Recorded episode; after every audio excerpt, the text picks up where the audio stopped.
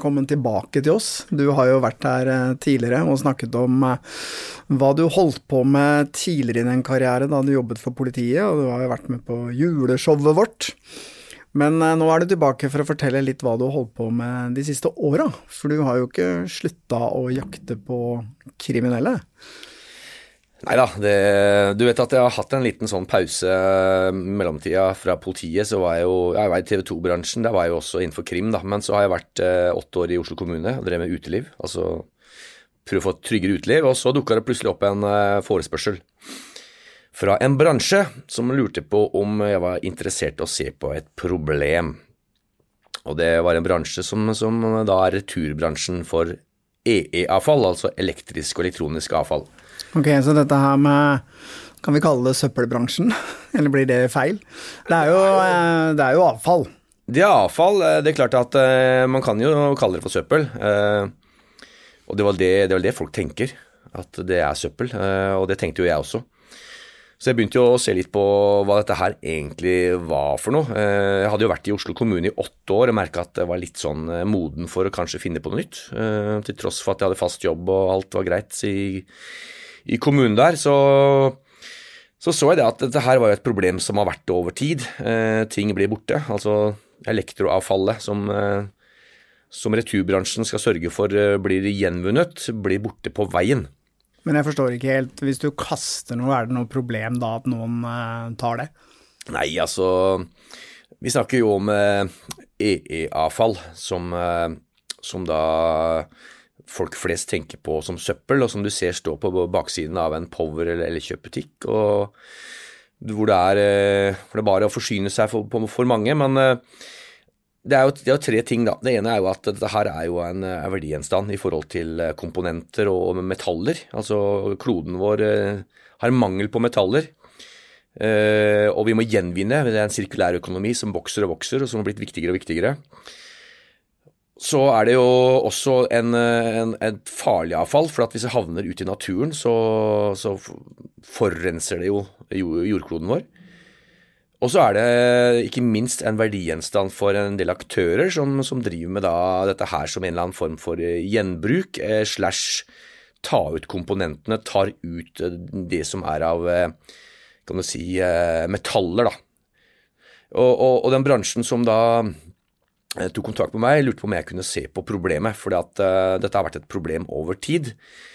Og, så, og det er jo da returbransjen for EE-avfall, som da var egentlig fire konkurrenter. Altså Recipo, ERP, Norsirk og uh, eh, Skal vi se, siste Renas, som det jeg jobba på. Så, så, så det var tydelig at her var det et problem. Så begynte jeg å se på litt sånn google litt, og så så jeg at dette her var jo litt interessant, for dette er jo et internasjonalt perspektiv. Og eh, etter gjentatte møter så fant vi ut at vi skulle prøve å gå videre på dette her. Og det endte med at eh, jeg sa opp jobben min sommeren 2019, en fast jobb i Oslo kommune. Og så begynte jeg i prosjekt EE-avfall på Aveie, eh, som da ble et treårsprosjekt for returbransjen for EE-avfall. Og jeg så jo for meg da at her blir det reising, og det står det også i beskrivelsen, at du må påregne mye reising, og det var jo noe som trigga meg, da. Og da var det sånne ja, lukrative reiser til Litauen og Polen og Romania og Nigeria og Ghana som, som jeg så for meg. Ja. Så, så, tenkte jeg at dette her er jo en ny utfordring, og, og, og klart at når en sånn ja, hesten er tilbake i manesjen og lukter sagmugg, så tenkte jeg at fy faen, dette her er jo litt interessant. Jeg har jo spanna mye jeg på aktører her i Oslo, men eh, dette her er jo på en annen dimensjon og på et internasjonalt perspektiv, og det, dette her var noe jeg hadde lyst til, da. Hvor stort er dette problemet, egentlig? Hvis du skal, altså Det du sier er at de rett og slett rapper e-avfall som eh, skal til gjenvinning, og frakter det ut av landet, da, eller? Ja, altså du vet at min bransje, da, eh, som har produsentansvaret, skal jo ta hånd om det E-avfallet fra det blir eh, Fra forhandlere, forhandlerne. Altså de som hovedsakelig tar imot den type avfall vi snakker om eh, i Norge, så er det jo disse forhandlerne som driver med elektrobutikker som Power og Elkjøp og, og Elon, Skausen. Og det er klart at det, det, det, jeg begynte å gjøre altså Jeg skrev jo en kontrakt med, med prosjektet og starta da 1.10.2019. Og det første jeg gjorde, var å ta meg en liten tur ned på Strømmen storsenter. For det er jo på Romerike, ikke langt fra der jeg bor. Og så der er det jo Elkjøp-butikk og en Power-butikk. Og så så jeg at Elkjøp-butikken hadde et returpunkt som, som sto helt usikra. Og allerede første dagen der så begynner jeg å se at jøss, her, her, var det trafikk. Virkelig trafikk. Og da er det jo aktører da som kommer og og plukker og stjeler. Det var biler, eh, mindre kassebiler, og det var eh, folk med ryggsekk. Eh, og veldig høy aktivitet. Så tenkte jeg at jøss, her var det jo virkelig Dette var jo virkelig aktiv Her, her skjer det mye. Og, og, og da, da, så jeg vel egentlig problemet allerede første dagen. At det dreier seg hovedsakelig om at disse forhandlerne som vi snakker om, de, de har ikke gjort det de skal gjøre. For at i, i avfallsforskriften så står det de skal sikre e-avfall mot tyveri. Og de bilene som dukka opp, da, det var eh, litauere, det var rumenere, og det var eh, polske skilter. Og eh, så tenkte jeg at ja, ja, jeg begynte å skrive logg og ta bilder av dette her, og så Dag to så tok jeg en tur ned dit igjen, og så så jeg det samme, og jeg begynte å se etter hvert at det var mye gjengangere. At det var de samme folka. Og da er jo en ting da er jo det å stå der og se at ja, her stjeles det, men da må man begynne å se på hvem er de, hvor kommer de fra, hva gjør de med dette her, og hvor endrer dette her, og hva er økonomien bak det. Så, så jeg starta på Strømmen storsenter og, og, og, og klatra meg nedover i eh, byen og så at her var det mye av det samme på Ullevål. Elkjøp på Ullevål. Eh, elkjøp på Alnabru. Eh, elkjøp på Vinterbro. Og power eh, også, også, noen eh, power, men, eh, men basically de, de, tre der. Og ikke minst Elkjøp på, på, og power på Lørenskog. Og så at her er det jo et nettverk som holder på. Så, så man jobber seg fra episenteret, som jeg kalte det, da, som er, var på Strømmen storsenter, så jobba jeg meg utover i, i si, Stor-Oslo. Og da, da, var jeg mye fra kan si, Moss i sør til Råholt i nord. Eh, Nesbru sør-vest og Moss i Ja, det er Moss der, ja. Så, og det er klart at der er det mye returpunkter. Og der så jeg det samme bildet, at der det var usikra, der, der, ble det plukka. Og da er det jo på sin plass å begynne å spane. Da er det jo leiebil, da. Løsskjegg. Noen ekstra briller og et par luer og noe sånt noe i, i, i bilen. Jeg er aleine, ikke sant. Det, har, har du bilde av deg selv med løsskjegg? Nei, jeg har bare noen ulike bilder og sånn. Og, eh, for at jeg, jeg skjønte etter hvert at uh, jeg må jo stå tett på forholdsvis for å se hvem de er og hva de gjør, og eventuelt prøve å se hva de plukker for noe. Har du tenkt på å infiltrere disse gjengene? Du kan jo òg utgi det for å være en, en kar da, som går, kommer for å hente noe avfall. Ja, jeg, jeg tenkte jo det at uh, her er det nok uh, muligheter for å kunne infiltrere eller gjøre noe, eller få noen kilder eller informanter, men så fant jeg ut at, at dette her er nok så tett, uh, tette nettverk at, at det, det, det, lar seg ikke gjøre. sånn at det, det var jo tre hoved, eller fire hovedaktører jeg fant, da, som, spesielt på Østlandet, som var veldig aktive.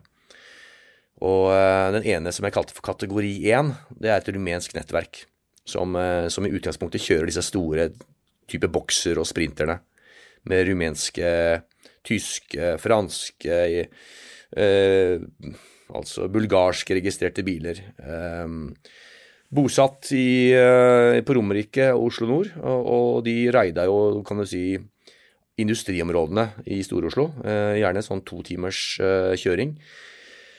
Og de, de, de tar metaller, og, og, får metaller. De har også avtaler med masse butikker, men de plukker også. De tar også batterier, stjeler batterier hvis de kommer over det. Og så tar de og raider disse forhandlerne med e-avfall. Ja.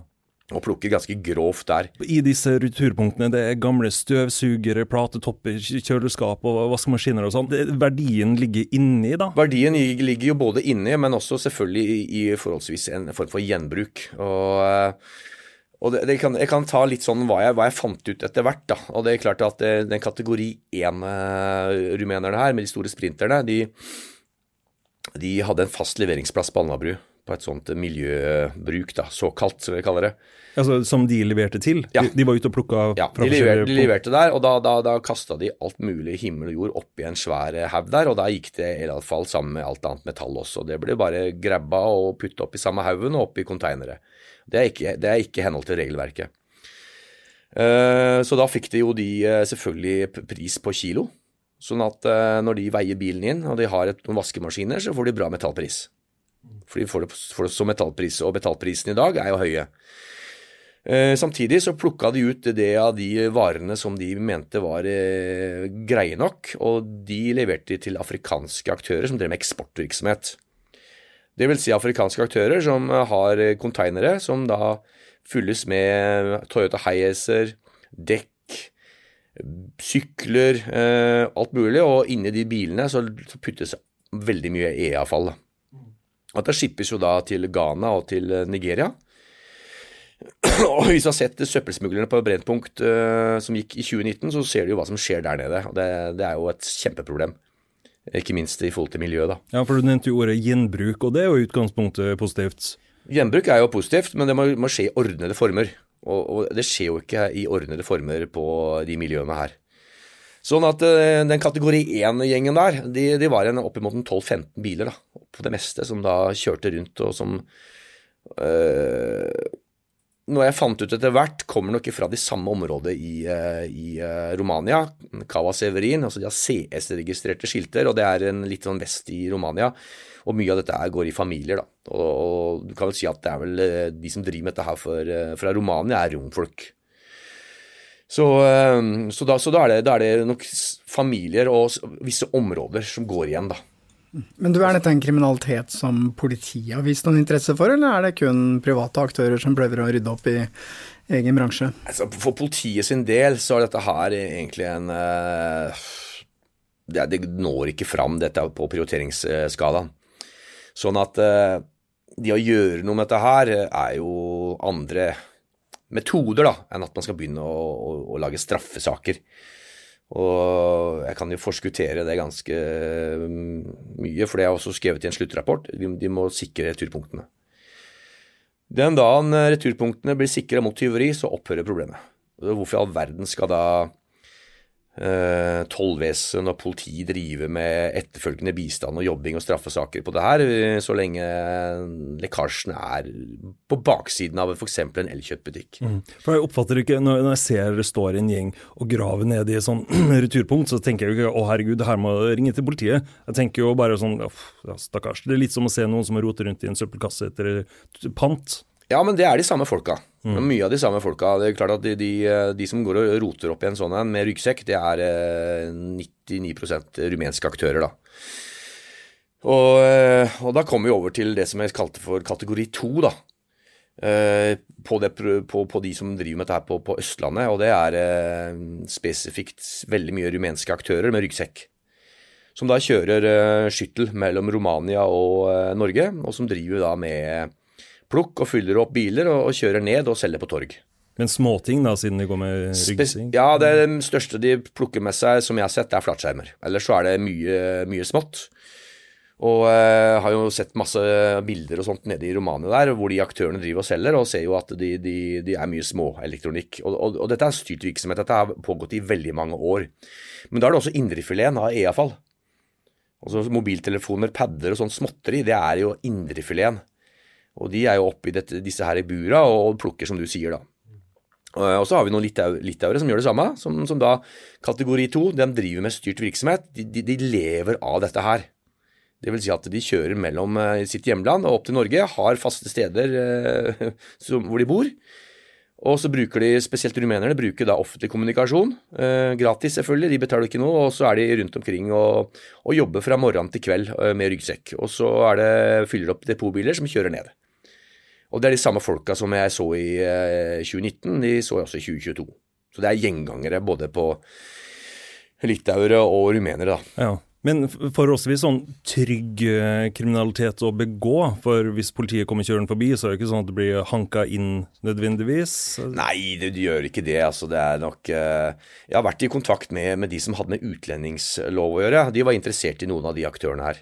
De var det, for de, de mente at det var, var utvisningsgrunn, da. Men, eh, men, det er klart at eh, nok en gang, altså hvis man sikrer EA-fallet, så blir det borte. Da forsvinner de til andre steder. Men har du noen formening om hvor stort dette markedet, markedet, er? Altså Hvor mye penger er det snakk om?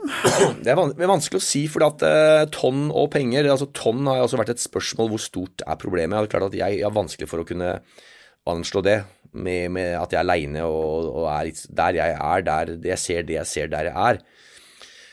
Så, så det er vanskelig å anslå, men, men, at det er et ganske stort utbredt problem. I Norge det er det utvilsomt. Jeg kan gi et eksempel på det. Vi, uh, allerede i februar-mars i 2020 så hadde jeg ganske bra koll på rumenske aktører, da, som, som var eh, spesielt én fyr som, eh, som, opererte veldig mye på Romerike. Hadde en, en kassebil, Mercedes kassebil da, fra Buzau, en by i Romania. Og, og, og ja, jobba litt med han. Og, og når han stakk ut, så, så dro vi etter, da. Eh, og ned til Romania. Fikk med meg Frode Olafsen fra Spyshop. Eh, så vi to kjørte ned, eller dro ned til, tok fly til eh, flyplassen i Romania, leide oss bil og dro til Bussau og fant, fant bilen. Og, og, begynte å spane på han der. og kom ikke så mye, mye ut av det, annet at han var på et par adresser, og så fikk han motorstopp, og så ble han stående, og så dro vi hjem etter et par dager. Så fikk ikke så veldig mye ut av det. Men i ettertid så, så har jeg brukt etterforskere der nede privatetterforskere som igjen da har gravd og jobba, og jobba videre når de har vært der nede. Og da viser det seg at uh, han fyren som er her, som har vært her i hvert fall siden 2012, jevnlig, han eier tre eiendommer. Har denne kassebilen, han har en BMW, ganske feit, fin BMW, og han og kona eller ingen i familien er registrert med en arbeid.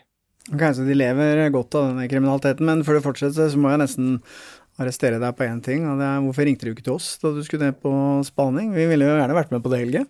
Ja, jeg regna det, men jeg måtte ha litt hardcore folk, så da ringte jeg, ringte jeg Frode, da, som, som, har vært inne, ute en vinternatt eh, før. Så tenkte jeg at du kan ikke ha vanlige folk med på en sånn jobb. Vanlige folk. Vanlige folk. folk. og det skal jeg love deg, at når du kom ned i Romania der, og inn i de strøka hvor det, var, hvor det er sånne egne strøk med, med romfolk, da, der skal du være forsiktig, altså. For det første så er det sånn at det står poster og, og følger med på inn- og utkjøring i, i visse områder der. Og det, det, er no mercy hvis du blir tatt med et eller annet der nede, så der skal man være veldig forsiktig. Uh, og, så, og, så, var det jo interessant å se at uh, det var mye søppelhauger rundt omkring. Kasta ting overalt, og det lå ting rundt omkring. Så der var det i hvert fall ikke noe særlig returbransje. Uh, sånn som i Norge, så, så, det var et helt annet bilde. Plutselig, altså Dette er en forholdsvis grei by, da, Bussau der, og, og moderne by. Og, men det har strøk da, hvor du kjører inn i, og det er klart at å forville seg inn der og gjøre noe der, det, det skal du være veldig forsiktig på. Det, det, det fikk vi bekrefta fra han, eh, han jeg brukte seinere, da. I og med at pandemien kom, så, så falt jo den gulroten som jeg så for meg, da, med alle de flotte, fine reisene som jeg hadde gleda meg til. Til Litauen og Litauen, Polen og Romania og uh, Ghana og, og Nigeria. De falt jo bare bort. Forstår det. Jeg har vært i Litauen, jeg, og det var veldig god mat her, altså. Ja, det, det var uh, absolutt uh, bra si at, saker. Så, så, egentlig kan du si at uh, pandemien har jo vært av og på siden mars 2020 til i februar 2022. Og prosjektet var jo ferdig, er jo ferdig nå, 1.10, og sluttrapporten den begynte vi å jobbe ut i mars-april 2022. Så klart at det har vært en litt skudd for baugen, altså, at ikke man har fått den der, de, de turene ned. Men, men, da har jeg brukt Så jeg har gode kontakter i Romania og Litauen da, med privatetterforskere som gjorde en kjempejobb for oss der nede. Men jeg tenker at uh, ofte, selv om man kanskje ikke ser på dette som noe sånn der alvorlig kriminalitet, så er det mye penger det er snakk om.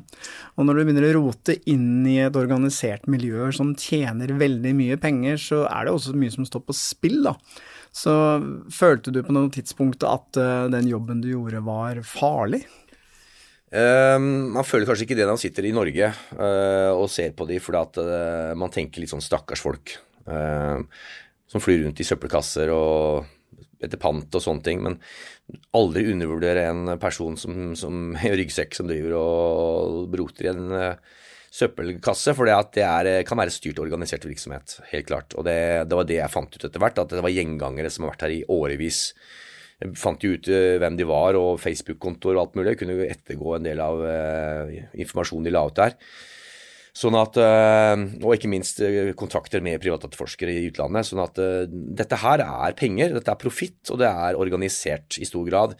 Og problemet ligger at det ikke blir sikra godt nok. Elkjøp, Power, Skausen, Elon. Utplukk der, som ikke sikrer avfallet som vi kaller det, godt nok. For det er, det er ikke et avfall, det er, det er, et verdiprodukt, egentlig. Men hva slags holdninger har disse Elkjøp og Power da, til eh, E-avfallet sitt? Er ikke de bare litt sånn likegyldige? da? De blir kvitt det, de sparer kanskje noen penger i å få dette transportert bort uansett? Det er mulig at de har hatt den holdningen før, men jeg tenker at den, den er de nok i ferd med å snu seg litt. Samtidig så har det jo vært tilfeller av at de går ut for å prøve å jage disse bort, og så blir de trua på livet. Eh, det har jo skjedd, det. Sånn at, eh, for det er jo absolutt eh, styrt organisert virksomhet med aktører som har også kriminelt rulleblad. Jeg vet også om flere som drar med seg ting inn, f.eks. piller. Sånn at de, de, de, drar gjerne ikke med seg De kjører ikke tom bil inn i Norge og så, og så full med elektro ut. Det er gjerne med enten folk eller med andre ting inn i, til landet. Så, så, det er jo profitt begge veier her. sånn at du, man skal se det på et, et større perspektiv enn bare e-avfall. Men det er ikke noe tvil om at de som, som plukka e-avfall, det, det, var gjengangere og de samme folka som jeg så gang på gang på gang. Og da kan jeg over, komme over til siste kategori tre, da. I de som var veldig aktive på, på Østlandet. Det er eh, de som bygningsarbeidere, som bor på disse brakkene. Eh, når de var ferdig med en, en jobb, så dukka de opp på ettermiddag kveld med arbeidsantrekk og var aktive, de også. Og det var dominert av polske arbeidere. Polske skilter. Og, eh, så da har du på en måte sett litt av det som er iallfall eh, her på Østlandet. Du har eh, disse store sprinterne, kategori 1, og så har du ryggsekkfolka, kategori 2, og kategori 3 er bygningsarbeidere. Det er veldig sånn tydelig på, på Oslo, Stor-Oslo, da som var aktive. Og så har du Kjell 62 år. Kjell 62, han er liksom nederst på rangstigen? Nei, han var, han var, det er han som da er inne i et kjøleskap for å finne en, en, skuff eller en ledning eller et eller annet som han mangler. For han eh, istedenfor å kjøpe seg noe nytt, så vil han reparere kanskje. Så han var også plukka. Det må jo være greit. Det er jo ikke greit i utgangspunktet, for det skal ikke plukkes. Men ja, det er noen av de òg, men, men, hovedsakelig så er dette her en virksomhet som er fra Øst-Europa. Helt klart. Og da, da er det klart at eh, Vi har jo sett mye på Stor-Oslo, men da måtte vi begynne å se litt i Norge også. Vi kan ikke bare sitte og tro at uh, bildet er sånn som det, vi ser det her. Så da har jeg vært en eh, to-tre turer, minst, fra Bodø i nord og helt til Mandal i sør. Så da ble det litt reising på det likevel, da? Jo da, men den uh, -huh. Altså Thon hotell på uh, ja. Knarvik har det vært i, står det i rapporten. Ja, Knarvik altså Vestnes Må ikke si noe negativt om Ton nå, for da blir vi saksøkt. Nei da, men uh, Ton hotell på, uh, på, Sandnes er ikke det samme som en uh, ja, tre, kanskje firestjerners i Bussau, da. Det er ikke den samme følelsen. men, men du, du, finner disse båndene her i Tynset og Flisa og Skreia òg? Ja, altså, det er jo det som er viktig å, å, vise, at dette her er jo ikke et Stor-Oslo-fenomen. Dette her er overalt. Så, så, jeg har jo vært på de fleste returpunkter fra Bodø i nord til, til Mandal i sør, da. Og, og, og, jeg ser jo det samme bildet, at der det står eh, elektrofall tilgjengelig, så plukkes det. Men, men, så er det kanskje litt andre aktører, da. Eh, andre steder enn det du ser i, på Stor-Oslo. Da er det gjerne aktører som har kan du si, mer røtter til stedet, det, stedet i det området. Og da er det gjerne utenlandske aktører med norske biler. Men eh, for å si det rett ut, den verste plassen, og det er det fortsatt, det er eh, Bergen. Ja. Vestlandet er det verste. Hvorfor det? Jeg vet ikke om de har eh, helt skjønt at uh, de, de, må passe på en verdigjenstand, for der, der, står det som søppel fortsatt. Så jeg var jo der sist for en måneds tid siden, altså i august, august i 22. og og Der har det vært tre ganger før, og det er det samme bildet. Eh, og, og, Det som var litt nytt nå, er at nå var det rumenske aktører som også kjørte mellom disse returpunktene, som ikke har sett før. Og det jeg tolker det dit hen, er at uh, de har begynt å få kontroll i Oslo. Og da forflytter man bare problemet andre steder i Norge, hvor det, hvor det fortsatt er mulig å stjele. Og en, en svipptur over til Bergen for de, det er en ja, altså de, de, de, kjører biler lett i døgnvis hvis de vil det. Og det, det, det fant ut etter hvert når du driver og spaner, da. Leiebil og må bytte leiebil hele tida. Hvis du må pisse, så piss med en gang du må. For hvis ikke, så sliter du. Plutselig så får du kontakt med en bil, og så må du henge på, så må du kanskje henge på den i fem-seks timer. Og de har ikke pauser. Og hvis du da holdt på og hengt på en bil i fem timer og pisse, og så mister hun, da er du ganske sur. Så det var alltid sånn, eh, sånn eh, Så fort du må pisse, så piss. Så du har ikke gjort sånn på film og fylt om flasker i bilen? Jeg har hatt det en gang også, ja. Men, ja, men, men, men er, de, de, kjører bil, altså. Virkelig. Så de, de, det er ikke noe kjøre hviletid der, for å si det sånn. Men når du skal spane på en sånn gjeng, jeg går ut fra at de er litt oppmerksom på det. Kan du, kan du, gjøre det alene, eller må man være flere personer? Nei, altså, på, altså, Grunnen til at jeg kunne gjøre dette alene, er nok at de har, vært, de har, de har garden nede. Fordi at de, de, har holdt på med dette her i mange, mange år. Sånn at jeg har jo vært med på spaning på folk som er rusa på amfetamin, og det er noe helt annet. Så, så, sånn at Hovedsakelig så har de folka her garden nede, sånn at jeg kunne faktisk ligge ganske greit bak og følge med, uten at de egentlig kikka i bakspeilet i det hele tatt. De ser på dette her som eh, en gjenstand som nordmenn kaster, som, eh, som er en verdigjenstand for de, og myndighetene bryr seg ikke, og de eh, har holdt på med dette i mange år, så det er ikke noen grunn til at de skulle på en måte være veldig oppmerksom på, på noe sånt. Og det har egentlig vært årsaken til at jeg kunne drive med dette her aleine i stor grad. Mm. Men har du snakket med noen da? Nei, jeg fant ut at det var ingen vits å, å snakke med dem, for jeg skjønte at uh, det, er, det, er, det, er, såpass organisert, da. Uh, på et tilfelle så var det slik at uh, jeg ble oppdaga på strømmen etter hvert. Jeg så noen der som helt klart visste at det her var noe muffens, og de hadde nok helt sikkert sett at jeg satt med en mobiltelefon og tok bilder av det. Og sette på TV, på TV 2? Sett meg på Insider, kanskje. På TV, ja, kanskje det. Helt sikkert deg. Ja, nei, Jeg tviler på at de ser på norsk TV, men i fall, de, de har nok sett at det sitter en annen fyr i en bil her og, tar, eh, og driver med mobiltelefonen sin og, og, tar bilder, da. Men du skal ikke tvile på det, fordi da vi fulgte denne biltjuven til Litauen og rett før vi skulle med insider, og rett og skulle over grensa der, så stoppa vi på en bensinstasjon i Polen bare for å ha en siste prat med han før han skulle krysse. Mm. Og da var det en uh, polsk statsborger som hadde vært mye i Norge, som, ja. som kjente igjen meg, og som ringte og varsla, så han ble jo tatt på grensa. Nå akkurat. Ja, ja, ja. Men vi har blitt meddrevne i etterkant av det, så vi vet mye om spaning. Spane bollen, f.eks. Mm. Vi har alltid med spane boller. Fempakk fra Circle K. Ja. Rosinboller, det er jo en klassiker. Det kjenner du til. Ja, boller, boller er godt. For det, det, det er så boller, altså Du får tre boller da, til eh, noen og 30 kroner. Det er jo Du blir mett av det, vet du. Ganske mett. Men det som er skummelt, ikke drikk eh, noen derre eh, med sjokolademelk. Ok, fordi Det er én ting, og så selvfølgelig kaffe. Hold deg unna det. Nei, det er det der med pissinga, da. så drikk minst mulig. Ja, og drikke minst mulig. Spis eller boller er rådet. Fra... Når du er aleine på Svaning, så har du ikke råd til å miste folk. Da er de mista, og da, da må, du, må, du, tenke på det, da. Så, eh, men det som var etter hvert, da, eh, når jeg begynte å se at her er det et mønster, så måtte vi begynne å sette ut uh, ting til dem. Og da så jeg at flatskjerma var noe folk likte veldig godt. Jeg gikk på finn.no og kjøpte en sånn brukte flatskjermer da, som var ganske greie, sånn, som funka, til en sånn 500 spenn, og så putta vi inn trekkere på det. GSM-trekkere. Oi! Ja. Du la ut en felle, rett og slett? Felle, ja. Mm. Og, og, da fikk jeg en liten aha-opplevelse i forbindelse med det du snakker om at du ble oppdaga. For at uh, på Strømmen så var det, var det, noen som jeg helt tydelig kunne se kroppsspråk på. At når de så meg, så fikk de et veldig stivt blikk. Så da skjønte jeg etter hvert at ok, jeg er oppdaget. Og jeg, og jeg fikk en ny leiebil, og, og det gikk ikke lang tid før det så meg igjen, da. Eh, men i hvert fall så plutselig så dukka det opp noen eh, nye rumenere, eller ikke nye, da, noen gjengangere som, er, som har vært borte noen måneder. da. Vært borte en tre-fire måneder. Nedi fra Gorj, sør i Romania. Gorj-distriktet der. Så, jeg, så, tenkte jeg ok, de skal få en flatskjerm. Eh, og så så jeg at de var på vei og, mot strømmen. Så tenkte jeg ok, nå kjører jeg forbi, og så parkerer jeg sånn at jeg kan ta, filme det. Og så setter jeg fram flatskjermen sånn tilgjengelig da ved returpunktet der. Så så jeg at de kom tuslende, for de parkerte alltid ved Shell-stasjonen borte ved, på Strømmen der, og så gikk de for å liksom være minst mulig, fordi det var en stor bil. Og inn på Strømmen der så er det et parkeringshus, så du kommer ikke inn med stor bil da. Så kom de bak, eh, bakfra, så jeg så i speilet at de kom, og så stå, bråstoppa de.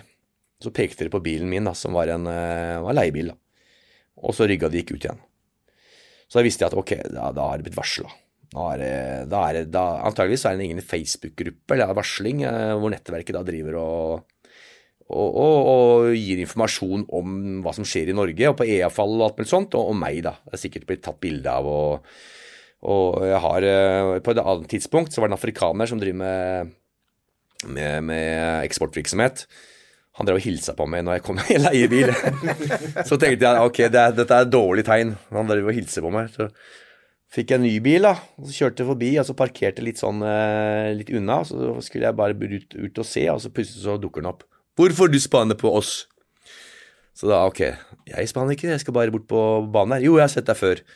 Ok, så da skjønte jeg at det er flere som visste om at det, det får ikke et eller annet. da. Og da ga du et foredrag om hvor eh, farlig det kan være med EE-avfall på avveie, og ga han denne rapporten? Jeg bare spilte dum, for jeg skjønte etter hvert at her får man bare være lukkaspaner, rett og slett. Og så får man prøve å gjøre jobben så godt som overhodet mulig. Eh, og da var det jo det at man, jeg satte ut disse, disse skjermene, da, og noen støvsugere og sånn, og, og da så vi jo hvor det blir av, da hvor gjengangere tar disse tingene her, og hvor det, hvor det, hvor det forsvinner hen. Hvor kunne du følge denne skjermen da? Eh, det gikk eh, To flatskjermer gikk til den der eh, miljøstasjonen hvor det ble krasja sammen med annet elektoravfall. Og på Alnabru? Ja. To eh, skjermer gikk til eh, brakker hvor det bor polske og litauiske arbeidere. Så det, det, det er liksom hard valuta. Ble solgt der. Ble stående igjen der. To gikk ned til Nigeria via, via eh, afrikanske eh, aktører som driver med, med den eksportvirksomheten. Konteinervirksomhet ut. En støvsuger gikk til eh, Romania. Den til Gorger, den, bilen jeg snakka om, de fikk lurt det til slutt. Så de, den forsvant ned dit. Og, og, i Romania så ser jeg det at de, de, er på, de er på markeder. De står på markeder og selger, da. Og gjennom etterforskere i, i Romania så fikk jeg bekrefta det, også bilder av det der nede med hvor de selger elektroprodukter. Jeg har også sett det på Facebook, da, som jeg har tatt, og, tatt bilder av. Og så var det en som gikk til Litauen, en uh, som gikk der dit, som er uh, Som også er sånn, uh, et sted hvor det går, da, så og, og, og, da så jeg litt mer, mer på si, aktører som er gjengangere, og litauere og som stadig er her, og jeg fikk da etterforsket og se på, på den, og det endte i Klapeida, som er en sånn kystby i, i, Roma, nei, i Litauen der, hvor det var mye elektroavfall. Og de også er opp og ned, eh, som driver med dette som styrt virksomhet, lever av det. Og det gikk på De hadde en egen gård da, hvor de solgte fra gården, og så hadde de det på nett. Og da lå de jo på nett med eh, vaskemaskiner med norsk påskrift og sånne ting. Så, sånn at med, gjennom eh, den type jobbing, da, så, så, så man jo at dette er styrt, dette er organisert, det er profitt, det, dette her er penger. Mm. Har, du, har, dere avdekka noe om hvordan de frakta disse her varene uh, ut på kontinentet på en uh, økonomisk uh, forsvarlig måte? For jeg ser for at Det må jo være ganske store kostnader knytta til det. å skulle liksom, leie og sende en container, eventuelt kjøre en bil. Det, jo, det er jo bensin og bom og alt mulig på veien der. rumenere, de kjørte. Mm. Ja, de kjører, kjører mellom Romania og Norge. Og litauere gjør det samme. Uh, når det gjelder, eh, Og polske, selvfølgelig òg. Og når det gjelder eh, containervirksomheten, så skippes jo det. Så det går jo på båt. Ja, men det, må, det koster jo koster ikke Ja, det, det, selvfølgelig koster det med en container, men, men profitten må jo være større da, når dette her er såpass stort. Og det er klart at når du da gjennom eh, containervirksomheten, så er den containeren full med, med kanskje to-tre biler, og det er stæsja med alt mulig. Til og med tørrfisk så jeg har jeg sett blitt stæsja inn. Sammen så, med Sammen med alt mulig. Så, og dette skippes jo ned til, eh, ned til eh, så, da, ned til Lagos i Nigeria. Ja. Og det er klart at det var de tingene her jeg så for meg da, at jeg skulle være med på når jeg liksom skulle være med på prosjektet. For dette her er jo nytt, noe spennende. Men som da covid-19 ødela alt for, da. Så, da ble Knarvik og Flisa Det ble Flisa, Knarvik og ja, sånne, sånne plasser, da. Det er jo ikke Det er et greit supplement, men det er liksom ikke det samme, kan du si. Men, men er det det dette mafiavirksomhet? For vi har jo sett f.eks. på Sopranos-TV-serien og mafiaen i New Jersey, så var det jo liksom søppelbusinessen var jo en stor del av denne mafiavirksomheten. Og jeg har også lest med at italienske mafiaorganisasjoner har jo hatt liksom stålkontroll på søppeltømminga, men at det som er problemet der, er jo at Eh, det er veldig mye miljøkriminalitet. da. De kjører bare søpla ut på landsbygda og så mm. setter fyr på det. Mm. Og jeg tenker at dette her eh, har jo et ganske sånn viktig miljøperspektiv òg. Det er ikke bare at det blir rappa noen komponenter og de tjener penger. Nei, det er jo helt klart et miljøperspektiv, og det er det som er også den, det som gjør det farlig. da. At, at det havner i naturen, så har det en, en ska, veldig skadeeffekt på natur, selvfølgelig. Men det som jeg har uh, sett, at, at, dette her er ikke noen sånn pyramidisk uh, mafiaorganisasjon som, som, sitter på toppen her. Dette er enkeltceller. Enkeltfamilier, enkeltnettverk uh, som, som, driver styrt organisert, driver og, og, og, og samarbeider. og står gjerne på ulike markeder og, selger dette her, og har profitten i det, da. Så og det, og det er det nok såpass mye profitt i at dette her, sånn som det var i starten, iallfall i 2019, 2020 og til 2021 også, i, i fram til iallfall påsken 2022, så er det vært eh, det er, det er, gjengangerne som er her i gang igjen og igjen og igjen. Så må det jo sies det at eh, iallfall Elkjøp har jo tatt en del tak i disse tingene her. sånn at eh, Jeg nevnte jo Ullevål, Alnabru og Vinterbru f.eks., og, og Strømmen. De har gjort tiltak. Hva slags tiltak da? Har de liksom låst dette inne? Dette er låst inn i, i konteinere som styres fra et, et sikkerhetsselskap eh, på Hamar. Som, eh, som, på en måte da Det er outsourca problemet på mange måter. Og det, og det, har gjort problemet mye mindre. Og det har jeg også sett at eh, etter hvert som de har fått gjort dette her i Oslo, så har det også blitt færre og færre av de gjengangerne er tilbake. Så de er nok andre steder. Og det syns jeg var litt spesielt å se når jeg var over i Bergen der, at her var det mye GJ-biler, og det er Gorge. Det er sånn eh, nede sør i Romania der, og der, der gikk det skytteltrafikk. Jeg får fire stykker på Åsane der. Så da tenker jeg at ok, eh, da er problemet forflytta seg. Jeg vet at Finland har de samme ordningene som eh, Norge, med at det er forhandlerne som skal ta imot dette her. De er pliktet til å ta imot EA-fallet, for det, det, de selger, det er de pliktet til å ta imot. Og det ligger jo i prisen som oss forbrukere kjøper, at dette her skal behandles på en ordentlig måte. Dette skal resirkuleres. Og det er det min bransje har ansvaret for å gjøre, da. Og jeg så jo nede i eh, Romania der på noen uh, markeder at det var, en, var, et par stykker som gikk med noen sånn Suomi-jakker og noe, noe, på ryggen, så jeg regner med at når det er blitt bedre her, iallfall på Østlandet, så styres virksomheten andre steder. Jeg tipper at mange av de gjengangerne er i Finland nå. Og eh, sånn som jeg så i Vestlandet, at der var det faktisk eh, ganske høy aktivitet. Også i Stavanger-området, men der var det mer eh, gjengangere med norske skilter med utenlandske navn som, i, som, som, holdt på med dette her, som jeg så i, jeg har sett to-tre ganger tidligere også. Mm. Så, så, det bildet som, var, som er litt sånn lenger ut i landet, så er det mer norske skilter, men det er utenlandske navn, og de har større kan jeg si, røtter til området enn en de der som pendler opp og ned. da. Ja, Så du har ikke jobba så veldig lenge med det her, i to års tid, og allerede skal man se effekten. De har møtt på Jonny Brenna og har nå dratt utenlands. Altså, jeg tror ikke de har eh, Ja, altså, det er vanskelig å si hva som er effekten av det. For det som er nå i forhold til 2022, da, og spesielt nå etter sommeren Nå skulle de ha vært tilbake. Men jeg har ikke sett de. Eh, sist jeg så de fleste gjengangerne, var før påske i 2022. Så det er veldig få som har kommet tilbake. Jeg tror at det har noe med effekten i Oslo, og til dels eh, litt på Romerike, som gjør at de ikke drar hit lenger. Samtidig så, så, har de vel de såpass mye nettverk her, for de har vært her siden 2012, at de får beskjed om at det skjer ting på den fronten. For vi har jo vært eh, i, på NRK-nyhetene iallfall to ganger rundt problemet. og og, og, også andre medier. Så jeg tipper nok at de, de, vet at her skjer det ting nå, så de holder seg unna. Ryktene om superspaner Brinna går helt ned til Romania? Ja, altså hvis jeg googler, da, så finner de sikkert eh, superspaneren, og da Kanskje de holder seg i Romania, jeg vet ikke. Men nå har jo du gått fra å være superspaner til søppelspaner. hva, hva, blir det neste? Ja, altså Jeg vet ikke om, uh, hva man skal kalle det. Altså det Man går jo ned på stigen her, men uh, Nei, det, det neste det, det, er jo å komme hit, da. Og bare liksom jobbe, jobbe, i podkasten Avhørt med sammen med dere. For at eh, 1. oktober så er jo, er jo, hverdagen min ganske åpen, sånn sett. Så det du sier nå, er at eh, da har du liksom nådd bunn, er det du sier? Du bunn, bunn er nådd. Bunn nås da.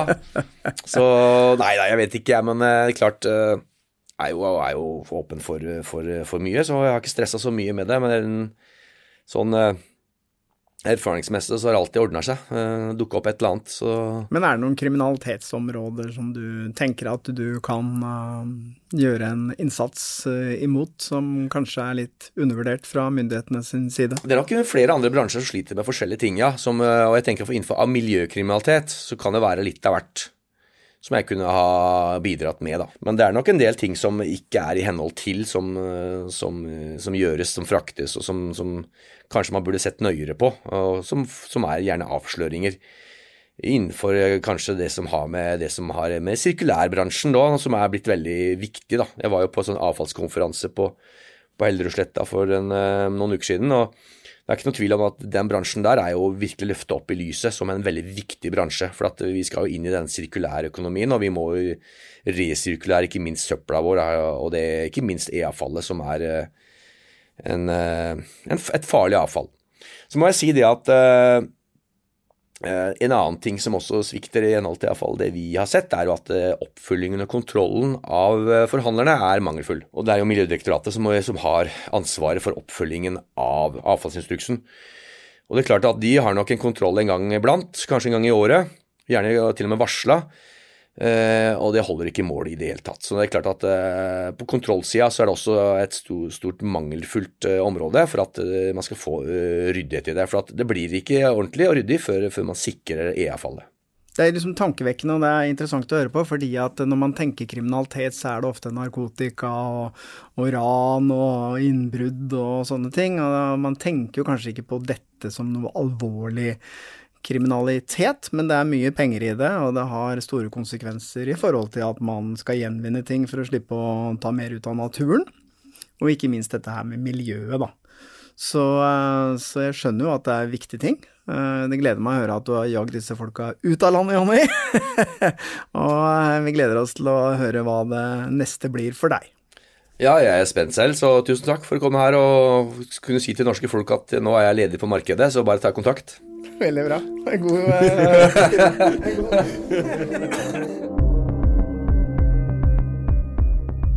Avhørt er produsert av Batong Media. Redaksjonen vår består av Stein Morten Lier, Helge Molvær og Lars Christian Nygårdstrand. Temamusikken vår er laget av Altered States, og hvis du vil høre eksklusive episoder av Avhørt, gå inn på podmy.no eller last ned Podmy-appen. Du finner oss på Facebook som Batong Media, eller på Instagram som Avhørt podkast.